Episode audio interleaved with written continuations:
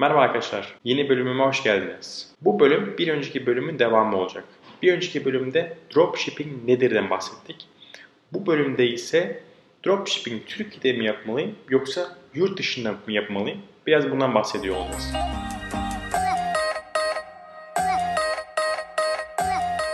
Biliyorsunuz dropshipping yapmak için bilgisayarın başına bulunmanız yeterli.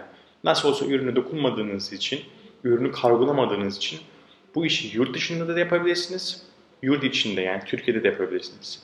Peki yurt dışından bu işi yapmanın avantajı ve dezavantajı nedir? Buna bakalım. Üçer tane avantaj ve üçer tane dezavantaj sayıyor olacağım. Öncelikle yurt dışındaki avantajların bir tanesi ve bence en büyük pazar çok büyük. Yani Avrupa'da bu işi yaparsanız veya Amerika'da bu işi yaparsanız Türkiye'ye göre çok daha büyük bir pazar ile karşı karşıyasınız. Bu da şu anlama geliyor. Çok daha fazla ürün satabilirsiniz ve çok daha fazla tabii ki kar elde edebilirsiniz. İkinci büyük avantaj ne? Döviz kuru. Türkiye'de maalesef dolar sürekli bir yükselme trendi gösterdiği için yurt dışında kazandığınız para Türkiye'ye göre benim tahminime göre daha fazla.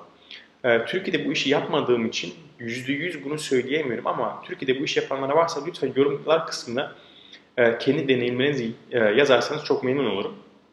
Ama benim tahminim döviz nedeniyle de yurt dışındaki işin çok daha karlı olacağını.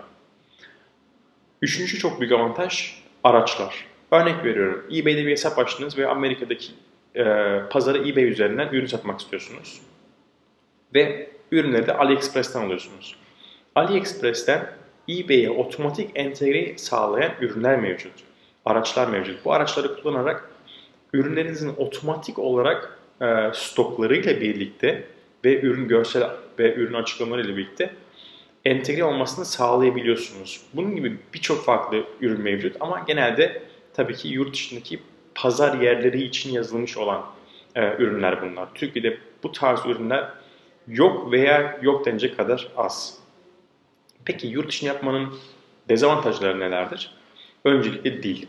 Çok iyi İngilizce konuşuyor olmanız lazım. Veya örnek, örneğin Almanya'da yapıyorsanız Almanca biliyor olmanız lazım. Çünkü aynı zamanda müşteri hizmetleri de sizsiniz. Bu nedenden dolayı işte gelen um, sorulara, gelen şikayetlere bir şekilde cevap, verebil cevap verebilmeniz gerekiyor. Bu bazen mail yoluyla, bazen de maalesef telefonla e, bu işi yapmanız gerekiyor. İkinci büyük problem parayı Türkiye'ye getirme. Yine bir örnekle e, anlatayım.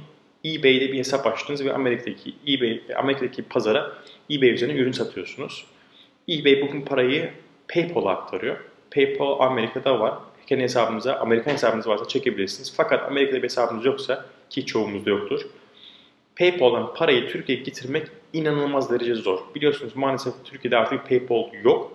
Olmadığı için de bir aracı kurum üzerine getirmeniz gerekiyor. Ama öyle bir aracı kurum ben henüz bulamadım. Siz bulabildiyseniz lütfen tekrar yorumlar kısmına yazınız. Ee, biz de sizin deneyimlerinizden faydalanalım. Ama onun dışında dediğim gibi Türkiye'ye para getirmek çok zor. Son e, dezavantaj ise zaman dilimi.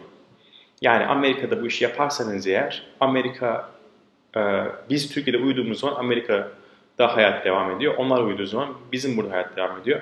Onu dengelemeniz gerekiyor. Çünkü çoğu ürün ile ilgili soru, şikayet, değişiklik, iptal isteği bizi e, Türkiye saatine göre gece geliyor olacak ve gece de ayakta olmanız gerekiyor ki anlık olarak hızlı bir şekilde cevap verebilmeniz e, için. Veremediğiniz takdirde ne oluyor? Çok şikayet oluyor mu? Olmuyor. Fakat e, işler genelde çok fazla uzayabiliyor. Veya satın aldığınız bir ürün birkaç saat sonra iptal isteği geldiği zaman siz bunu 8 ve 10 saat sonra görüyorsunuz. Bu sefer de iş işten geçmiş olabilir. Bu da çok e, müşteri e, deneyimi için çok iyi bir şey değil.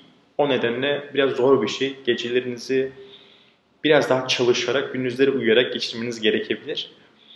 E, durumlar bunlar. 3 tane avantaj ve 3 dezavantaj. E, siz yaptıysanız mutlaka yorumlar kısmına yazın. E, yurt dışında mı yaptınız, yurt içinde mi yaptınız ve deneyimlerinizi. Bir sonraki bölümde görüşmek üzere.